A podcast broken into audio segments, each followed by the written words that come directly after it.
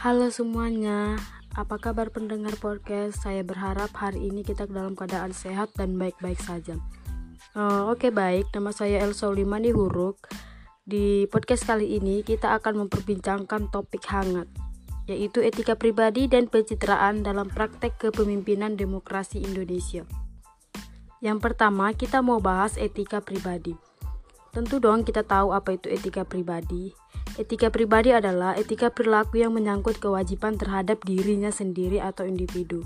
Nah, ini etika kita masing-masing. Apa saja contohnya yang pernah kita lakukan? Yang pertama yaitu membuang sampah pada tempat. Yang kedua, menjaga kebersihan dan kesehatan diri.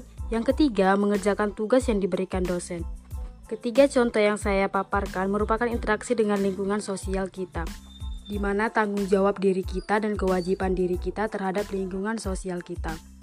Nah, yang kedua, kita akan membahas pencitraan dalam praktek kepemimpinan demokrasi Indonesia. Kita mau mengetahui dulu dong apa pencitraan. Pencitraan merupakan hal yang penting bagi setiap orang makhluk hidup, apalagi seorang pemimpin.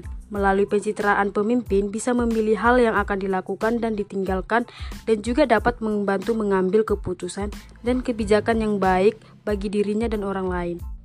Pencitraan juga sangat berguna bagi seorang pemimpin. Namun dalam pencitraan, etika dengan pencitraan dalam praktek demokrasi tentu memiliki hubungan timbal balik.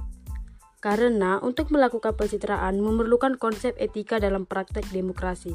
Konsep etika seperti apa?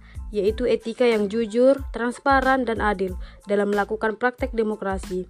Apalah guna jika melakukan konsep etika seperti itu saat sedang melakukan pencitraan saja, namun saat dibalik atau di belakang layar, konsep etika yang jujur, transparan, dan adil tidak terpakai. Yang ada hanya topeng yang terlihat baik. Fenomena tuduhan pencitraan kerap menempel pada seorang pemimpin. Ya, karena seorang pemimpin banyak dikenali dan banyak disorotin bagaimana cara gaya pemimpinnya dan cara dia dalam beraktivitas. Sehingga dengan tersorotnya oleh banyak orang, menghasilkan sudut pandang yang berbeda-beda dan tidak jauh dari kata pencitraan. Namun hal itu memang sudah biasa terjadi kepada seorang pemimpin.